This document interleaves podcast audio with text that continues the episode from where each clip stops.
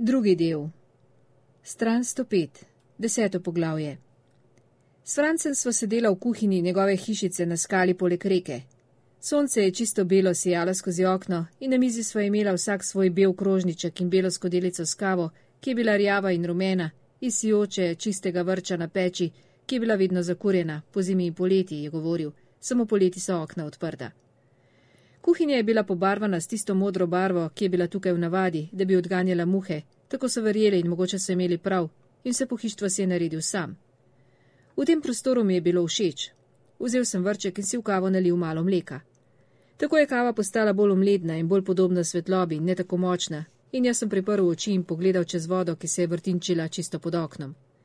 Svetila se je in bleščala kot tisoče zvest, kot rimska cesta. Morda enkrat jeseni, ko se peni in dere in se vleče skozi noč v toku brez konca, in lahko ležiš zunaj na fjordu v veliki temi s trdo skalo pod hrbtom in strmiš gor, dokodr sežejo oči in občutiš vso razsežnost vesolja, kako pritiska na tvoje prsi, da komaj dihaš, ali pa te nasprotno dvigne in izgineš kot kosem človeškega mesa v neskončnem vakumu in se nikoli več ne vrneš. Že samo misliti na to me je odneslo. Obrnil sem se in zagledal Francevo zvezdo, ki jo je imel pod komovcem. Svetila se je soncu in valovila kot zvezda na sredini zastave vsakokrat, ko je premaknil prste ali stisnil pest. To je počel veliko krat. Verjetno je bil komunist. Veliko gozdarjev je bilo komunistov in to z razlogom, je govoril oče. Franc mi je povedal tole. Bilo je leta 1942. Oče je prišel skozi gost severa, iskal je kraj, kjer bi se lahko skrival, blizu meje, ko bi moral na švedsko s papiri in pismi in včasih s filmi za odporniško gibanje, pozneje pa bi se vrnil, ko bi bila naloga upravljena in sledi zabrisane, kraj, ki bi ga lahko uporabil večkrat. Ni se mu mudilo. Ni bil na begu, vsaj obnašal se ni tako. Ni se poskušal skrivati in bil je odprt in prijazen z vsakim, ki ga je srečal. Potreboval je kraj, kjer bo lahko razmišljal, je govoril, in iz tega ali onega vzroka ni nihče podvomil o tej razlagi. Prišel je od znotraj. Si bil notri, so rekli, kadar je kdo prišel domov z redke poti v glavno mesto. Tam so bili ljudje drugačni, to so vsi vedeli, tako da je bilo v redu. Potreboval je kraj, kjer bo lahko razmišljal. Drugi razmišljajo medtem, ko hodijo ali stojijo, ni o čem razpravljati. Samo Franc je vedel, zakaj se bo kraj uporabljal. Že prej sta vedela drug za drugega, čeprav se nista osebno poznala vse do dne, ko se je oče pojavil na njegovem pragu, potrkal na vrata in izrekel besede, za katere so bili vnaprej dogovorjeni. Greš zraven, gremo konje krast. Obrnil sem se od okna, se zastrmel v Franca in rekel: Kaj praviš, da je rekel? Rekel je: Gremo konje krast. Ne vem, kdo se je spomnil tega. Mogoče kar tvoj oče. Jaz vsekakor nisem. Ampak vedel sem, kaj bo rekel. Sporočilo sem dobil z avtobusom iz Inbigde. A, sem rekel. Takoj mi je bil všeč, je rekel Franc. Komu pa ni bil? Moškim je bil oče všeč in ženskam je bil oče všeč. Nikogar nisem poznal, ki mu ne bi bil všeč, razen mogoče Jonovega očeta. Ampak tam je šlo za nekaj drugega. In predstavljal sem si, da v resnici niste imela ničesar drug proti drugemu in bi lahko v drugačnih okoliščinah postala prijatelja. In čudno je to, da ni bilo tako, kot sem pogosto videl v poznejšem življenju, da tisti, ki je toliko ljudem všeč, pogosto postane nekako brez robov in mehak in se trudi, da ne bi izzival. Moj oče sploh ni bil tak, res da se je veliko smehljal in smejal, ampak to je počel zato, ker je bilo v njegovi naravi, ne zato, da bi zadovoljil nekakšne potrebe po harmoniji okoli sebe. Vsaj mojih ne. In meni je bil zelo všeč, čeprav me je včasih lahko spravil za drego, pa še to je bilo bolj zato, ker ga nisem poznal tako dobro, kot bi sin moral poznati svojega očeta. V letih, ki so bila za nama, ga pogosto ni bilo, in ko so v deželo udarili Nemci, so večkrat minili celi meseci, ne da bi ga videl. Ko pa je končno prišel domov in se je nekaj časa sprehajal po ulicah kot običajen moški, je bil drugačen na način, ki ga težko pojasnim. Ampak vsakokrat se je nekoliko spremenil in zelo sem se moral potruditi, da sem ga zadržal. Kljub temu nisem nikoli dvomil, da imam v njegovem srcu čisto poseben prostor, skupaj s sestro in mogoče še večjega, ker sem bil fant, on pa moški, in nikoli mi ni prišel na misel, da ne bi pogosto in zauzeto mislil name, kadar ga ni bilo tam, kjer sem bil jaz. Kot ko je prišel v to vas leta 1942, jaz pa sem bil v hiši ob fjordu, v kateri smo stanovali v Oslu, in sem vsak dan hodil v šolo in sanjal o potovanjih, na katera bova šla skupaj, takoj ko enkrat za vse le premagamo Nemce. On pa je torej iskal kraj, kjer bo lahko razmišljal, kot je rekel, in ga uporabljal za skrivališče in bazo, za poti s papiri in časih filmi za odporniško gibanje na švedsko. Očetu je prav Franc pokazal planšarijo, ki je ostala po prisilni dražbi pred vojno in je bila prazna že četrto leto. Barkalt je takrat izkoristil priložnost in kupil kmetijo, seveda za smešno ceno, tako da je bil v bistvu on lastnik planšarije. Ki je ni uporabljal, pustil je, da je propadala, hlev se je že podaril in tako ali tako ni bilo živine, da bi ga napolnil, in mojemu očetu je bil kraj takoj všeč. Še posebno, ker je ležal na vzhodnem rečnem bregu, 20 minut hoje od najbližjega mostu in ker za planšarijami ni bilo nobenih drugih bivališč, niti kočene, še daleč na švedsko stran meje. Pa ne samo to. Franc je menil, da je bilo očetu tam všeč. Rad je počel stvari, ki jih je bilo treba upraviti, da je bilo videti prepričljivo in ki jih je bilo tako ali tako treba narediti. Kosil je travo, odstranil ostanke hleva in jih zažgal, zložil je strešnike, posekal grmovje na obrežju, popravil streho in zamenjal tramove na hiši, ustavil nova stekla v stara razbita okna. Zatesnil je peč, ometal je dimnik. Naredil je dva nova stola. Same stvari, po katerih je hrepenel, pa ni imel časa ali svobode, da bi jih naredil v Oslu, kjer smo imeli v najemu tri sobe in kuhinjo v prvem nadstropju velike tri nadstropne lesene vile v Nilzenbaknu, pri Ljanski postaji z razgledom na notranji oselski fjord in Bunefjord. Ni bilo mišljeno, da bi tam prebival veliko časa v enem kosu, samo dovolj, da so se ga ljudje navadili, ko so ga videvali na drugi strani reke, kjer je plezal čez streho ali brkljal po dvorišču ali sedel na kamnu na bregu in razmišljal, kot je rekel, ker je moral imeti poleg sebe vodo, kadar je to počel. Seveda je bilo tudi malo čudno, ampak tako zelo pa spet ne, in lahko so ga videli, ko je šel s tanko torbo čez ramo čez Barkaldov travnik na poti v trgovino okoli časa, ko je prišel avtobus iz Ingbigde ali Elveruma, ali pa so ga videli nazaj grede z nakupi in drugim. Ampak vsakokrat, ko je bil na švedskem in je prišel čez meje v zavetju noči in je oddal, kar je moral oddati tistemu, ki je moral dobiti, je ugotovil, da mora postoriti, urediti ali izboljšati še marsikaj, preden bo šel nazaj v Oslo. Zato je ostal še nekaj časa, še enkrat je pokosil travo ali pozidal dimnik nad streho, preden je odpotoval, ker je razpokal od vrha do dna in bi se mogoče podrl in opeke bi lahko padle in koga udarile v glavo. In tako si je v nekaj letih zgradil še eno življenje, v katerem mi, ki smo bili njegova družina v Oslu, nismo vedeli nič. Se nisem razmišljal tako takrat, ko sva s Francem sedela v kuhinji in mi je pripovedoval očetu, ki se je dobrih pet let prej naselil na Barkaldovi razpadli planšariji da bi si v drugem letu vojne na Norveškem priskrbel skrivališče za zadnji člen kurirske službe na Švedsko in začel to, kar je imenoval promet.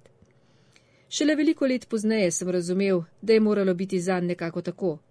V vasi v Breki je bil prav toliko kot z nami doma v Bunefjordu, ampak tega nismo vedeli in tudi nismo smeli vedeti. Da je šlo samo za en kraj in kje je bil ta kraj. Nikoli nismo vedeli, kje je. Ni ga bilo, potem pa je spet prišel domov teden, mesec in navadili smo se živeti brez njega, iz dneva v dan, iz tedna v teden. Ampak vse čas sem mislil na njega. Deseto poglavje nadaljujem na strani 109. Vse, kar mi je Franc povedal, je bilo takrat zame novo, a nisem imel razloga, da bi podvomil o čemerkoli, kar je rekel. Zakaj mi v tem času pripoveduje on, če mi oče nikoli ni, je bilo vprašanje, ki se mi je zastavljalo, medtem ko je govoril, ampak nisem vedel, ali ga lahko postavim in dobim odgovor, s katerim bom lahko živel, kajti gotovo je mislil, da vse to že vem in me samo zanima druga različica. Spraševal sem se tudi, zakaj mi niso prijatelji Jon ali njegova mama ali njegov oče ali moški v trgovini, s katerimi sem toliko krat govoril, ali Barkalt ali katerikoli drug hudič omenili, da je pred samo štirimi leti oče prebil toliko časa v tej vasi, pa čeprav na drugi strani reke, kjer so stale planšarije, da bi ga lahko šteli za stalnega prebivalca. Ampak vprašal pa nisem. Na kmetiji, ki stoji najbliže trgovini in cerkvi, je bila nastanjena nemška patrulja. Preprosto vzeli so hišo in pregnali celo družino v preužitkarsko kočo, kjer je bilo že prej tesno in pogosto, čeprav nevedno, je na pesku pred mostom čez reko stal stražar. Na Jermenu je imel čez ramo obešeno brzo strelko, v ustih pa cigareto, kadar ga ni gledal nobeden od njegovih. Včasih je sedel na kamen, brzo strelko pa odložil na tla pred sabo, čelado je snil z glave in se močno in dolgo praskal po poležanih laseh, Kadil je in dolgo strmel med koleni in si oče čistimi škorni, dokler ni cigareta dogorela prav do prstov in se je komaj zmogel spet dvigniti. Za njim je čez brzico bučala reka in ni nikoli spremenila tona, vsaj on ni mogel slišati. In tukaj jim je bilo dolg čas, nič se ni dogajalo, vojna je bila druge, ampak vseeno je bilo boljše kot vzhodna fronta. Kadar je oče izbral to smer čez most mimo Franceve hiše in po oski makadamski cesti na vzhodni strani reke, se je najprej ustavil in poklepetal z nemškim stražarjem, ker je kar dobro govoril nemško. Takrat jih je veliko dobro govorilo nemško. To je bil jezik, ki si se ga učil v šoli, še globoko v 70. leta, če si hotel ali ne. Stražar ni bil vedno isti, ampak bili so si tako podobni, da je le malo kdo opazil razliko, pa tudi zanimalo jih ni prav zelo, v resnici so se poskušali delati, da ne obstajajo, in nemščina, ki so se je ljudje naučili, je bila nenadoma pozabljena. Ampak oče je kmalo vedel, odkot prihaja vsak izmed njih, ali imajo v Nemčiji žene, ali imajo najraje nogomet ali atletiko, ali morda plavanje in ali pogrešajo mamo. Bili so 10-15 let mlajši od njega, nekateri še več, in z njimi je govoril na pozoren način in tega drugi navadno niso počeli. Franc je skozi okno lahko videl, kako oče stoji pred moškim oziroma fantom v sivo-zeleni uniformi in drug drugemu sta ponudila cigareto in eden je prižgal še drugemu, glede na to, kdo je ponudil, in žigalico je zakril z roko, če tudi ni pihalo, in potem sta nagnila telesi nad plamen v zaupnem loku, in če je bil večer, sta ima obraza rumeno zasijala, in potem sta stala na makadamu v mirnem zraku in se pogovarjala in kadila, dokler od cigaret nista ostala le ogorka, ki sta ju ugasnila škorni na pesku, in potem je oče dvignil roko in rekel Gute Nacht, in odgovor je dobil hvaležen Gute Nacht. Potem je šel smehljaje čez most in nadaljeval pot po cesti proti planšariji, z delano sivo torbo na hrbtu in tistim, kar je bilo v torbi. In vedel je, da bi, če bi nenadoma storil kaj nepričakovanega, če bi se obrnil ali stekel, prijazni nemški fant gotovo bliskovito snel brzo strelko z rame in zaupil halt, in če se ne bi ustavil, bi poslal za njim salvo krogel in bi ga mogoče ubil. Včasih pa je šel po glavni cesti z malo bolj polno torbo in je zavil čez travnike ob Barkaldovi ograji, potem pa je reko preveslav. Pomahal je tistim, ki jih je videl, Nemcem in Norvežanom, in nihče ga ni ustavljal. Vedeli so, kdo je moški, ki je usposobil Barkaldovo planšarijo. Vprašali so Barkalda in potrdil jim je, da je res tako, Že trikrat so bili na planšariji in so našli veliko orodja in dve Hamsonovi knjigi, Glat in Pana, ki so jo lahko prenesli, nikoli pa niso našli nič sumljivega. Bil je moški, ki se je v rednih presledkih z avtobusom vozil iz vasi in potem ga nekaj časa ni bilo, ker je imel še več projektov iste vrste. Imel je malo obmejno dovolilnico in z njegovimi drugimi dokumenti je bilo vse v redu. Tako je oče dve leti vzdrževal linijo, poleti in po zimi, in če njega ni bilo, je šel zadnji del poti čez mejo kdo iz vasi, če je bilo potrebno. Nekajkrat Franc in Jonova mama, če je imela čas, ampak ni bilo brez nevarnosti. Vse so v tem kraju vsi poznali vse druge in njihove navade, in če je kaj odstopalo, so to opazili in si zapomnili za poznejšo uporabo v rokovniku, v katerem obdelujemo življenje drugih. Potem pa se je vrnil in tisti, ki niso smeli vedeti za promet, so ostali nevedni. Jaz recimo in moja mama in sestra. Včasih je sam pobral pošto kar z avtobusa ali pa iz trgovine, preden se je odprla ali ko so jo zaprli. Včasih jo je vzela Jonova mama in jo pripeljala s čovnom, ko je po Barkaldovem naročilu pripeljala hrano, saj delavec vendar mora jesti, ali pa naj bi bilo vsaj tako videti, da namreč sam ne obvlada štedilnika in mu mora pomagati ženska. Meni se je zdelo malo čudno, da bi pri tem potreboval pomoč, saj večino stvari zmogel, V resnici je kuhal prav tako dobro kot mama, če je bilo potrebno. To sem pač vedel, se sem ob različnih priložnostih videl in okusil, samo mogoče je bil malo len, zato sva, kadar sva bila sama, jedla moško hrano. Običajno jajce na oko. Nič nisem imel proti. Če je bila v kuhinji mama, smo imeli polnovredne obroke, kot jih je imenovala, vse, kadar smo imeli denar. To ni bilo vedno. Ampak Jonova mama je enkrat ali dvakrat na teden priveslala po reki, s hrano ali brez nje, s pošto ali brez nje, da je bila mojemu očetu nekakšna kuharica, tako da je lahko dobil kakšen polnovreden obrok in ni zbolel in oslabil zaradi enolične prehrane, na katero prisegajo moški, ki živijo sami, ker potem ne bi mogel upraviti dela, zaradi katerega je bil tam. Vsaj tako je povedal Barkalt, kadar je bil v trgovini. Jonov oče ni sodeloval, ni bil proti, tega ni nikoli rekel, vsaj ne tako, da bi kdo slišal, ampak s prometom ni hotel imeti nič. Vsakokrat, ko bi se moralo kaj zgoditi, je pogledal stran in stran je pogledal, ko je šla njegova žena s košaro v roki k reki in odveslala k mojemu očetu. Celo takrat je pogledal stran, ko so v mraku v njegov senik čisto tiho namestili neznanega moškega z rokami okoli zvezanega kovčka in z mestnim klobukom na glavi. Potem pa je sam obsedel na kolesu voza, nem in zbegan v svojih prevelikih oblačilih in čakal, da se bo stemnilo. In po noči se je isti moški s čovnom odpeljal po reki, najprej čisto neslišno čez dvorišče pa k pomolu, kjer ni bila izrečena nobena beseda in prižgana nobena luč, zato tudi on ni komentiral, ne takrat, ne pozneje. In to kljub temu, da je bil ta moški le prvi izmed mnogih, saj zdaj čez mejo na Švedsko ni več potovala samo pošta. In bila je pozna jesen in sneg, ampak ledu še ni bilo in po reki se je še vedno dalo veslati. In to je bilo dobro, kajti zgodaj zjutraj, še preden se je petelin zvalil z gnoja, kot je rekel Franc, so v temi na glavno cesto spustili moškega, ki je odšel svojo torbo po zasneženi poti in na dvorišče k Jonu in njegovi družini. Moški je imel poletne čevlje s tankimi podplati in je tako očitno zmrzoval v širokih hlačah, da so se mu tresle noge in so mu hlačnice valovile in poplesovale od bokov do lahkih čevljev, ko je Jonova mama prišla na dvorišče, ogrnjena v plet in z odejo pod roko. Čudno je bilo videti, je povedala Francu, ko se je maja 45 vrnila švedskega, skoraj kot cirkuška točka. Dala mu je odejo in ga odpeljala v senik, kjer je moral ostati vseeno vse dan, vse dokler ne bo prišel večer, približno 12 ur, kajti svetloba je izginila približno ob petih in ob petih je tudi prišel po poti. Ampak moškemu ni uspelo. Tam notri se mu je zmešalo, je rekla Jonova mama, in ob dveh se je zlomil in podivjal. Začel je kričati neverjetne stvari, pograbil je železno cev in tolkal okrog sebe, da so z ostreše letele trske in več špic na vozu za seno se je prelomilo. Na dvorišču se ga je dobro slišalo in morda so ga slišali tudi više na reki, ker je bil zrak miren in je krike dobro prenašal čez vodo, ali pa so ga slišali čisto doli pri cesti, po kateri so se Nemci pripeljali vsaj dvakrat do trikrat na dan in so poskušali biti kar se da pozorni. In potem so se vznemirile živali v hlebu. Bramina je razgetala in se uspenjala in krave so mukale, kot da je pomlad in da hočejo na pašo in nekaj je bilo treba storiti, prekleto k malu. Moral je ven iz senika, takoj ga morajo poslati na vzgor po reki.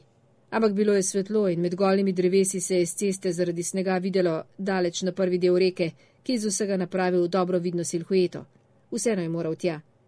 Jona še ni bilo iz šole in dvojčka sta se igrala v kuhinji.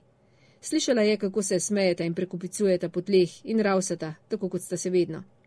Tiho je oblekla topla oblačila, kapo in rokavice in odšla po stopnicah in čez dvorišče proti seniku, medtem ko se je njen muž prebudil na kavču in vstal. In čisto jasno je, da grem tukaj čez limit in da ne morem vedeti ničesar o tem. Ampak sem kljub temu prepričan, da je v sobo prišlo bitje podobno duhu, ki ga je dvignilo in ga potisnilo na hodnik kjer visi gola žarnica, ki je nikoli ne ugasnejo, da bi svetila tistim, ki morajo po noči najti pot v temi, in kjer v rumenem okvirju na kluki visi portret njegovega očeta z dolgo brado, in da je tam zmeden obstal v samih nogavicah, tam, kjer se vrata odprejo na zven in se tudi morajo odpirati na zven, da ne nosijo snega v hišo. In zdaj mu ni uspelo gledati stran, ampak je namesto tega gledal, kam je šla. Ona je na hrbtu jasno začutila, da stoji tam, in to jo je na zlovešč način presenetilo, ampak se ni obrnila. Odpahnila je velika vrata senika in jih odprla in šla noter in je ni bilo nazaj celo večnost. Končno je prišla s tujcem za petami, ona v toplih škornih in sukniču, on v poletnih čevljih in obleki in sivo torbo na hrbtu. Dobil je polover, ki ga je nosil pod obleko in suknič je postal tesen in poln izbuklin in nič več eleganten. Kakšnega orodja za pretepanje ni več imel in ona ga je skoraj vodila, zdaj je bil ponižen, skoraj slaboten in razmajan in morda izčrpan po izpadu, na katerega ni bil pripravljen. Na pol poti čez dvorišče, ko sta šla mimo hiše proti pomolu, se je nenadoma obrnila in se ozrla nazaj. Njune stopinje so bile razločne v snegu, najprej tujčeve stopinje po dovozni poti, pa njene iz hiše in potem še oboje od cenika k točki, na kateri sta bila zdaj. Stopinje mestnih čevljev so izstopale in niso bile podobne ničemor, kar si lahko v teh krajih videl ob takem času. In razmišljala je in se grizla usnico in gledala na tla, in moški ni več hotel stati tam in jo je začel vleči za rokav. Pridi, je rekel s tihim cvilečim glasom, naprej morava, in zvenel je kot kakšen razvajen otrok. Pogledala je svojega moža, ki je še vedno stal pri vratih. Bil je velik moški in zapolnil je cela vrata, še svetloba ni prišla mimo njega. Rekla je: Pojdi po njegovih stopinjah, nimaš izbire. Nekaj na njegovem obrazu je utrpnilo, ko je izrekla te besede, ampak ona tega ni videla, ker je moški v obleki izgubljal potrpljenje in izpustil njen rokav in je bil že skoraj pri pomolu in pohitela je za njim in izginila sta za hišo. On je še naprej stal v nogavicah in gledal na dvorišče. Skozi tišino je slišal, kako sta se ukrcala v čovn in kako so vesla pristala v nastavkih in zastrti plusk, ko so prvič trčila ob vodo, in ritmično škripanje železa ob les, ko je njegova žena zaveslala s svojimi močnimi rokami, ki jih je tako dobro poznal iz neštetih objemov noči in let, ki sta jih imela za sabo. Bila je na poti po reki na vzgor, da bi še enkrat obiskala moškega iz Osla, ki je stanoval na planšariji. Vsakokrat, ko je bilo kaj narobe, je morala tja, vsakokrat, ko bi se moralo zgoditi kaj pomembnega, je morala tja. Zdaj je imela v čovnu drhtečega tepca, ki je verjetno prihajal iz istega mesta. In bilo je sredi dneva, ostra svetloba se je odbijala v snegu, in on je še enkrat pogledal po dvorišču in sprejel odločitev, ki jo je pozneje obžaloval, potem pa je zaprl vrata, odšel v sobo in sedel. Dvojčka sta se še naprej igrala v kuhinji, dobro jo je slišal skozi steno. Mislila sta, da je vse tako kot vedno.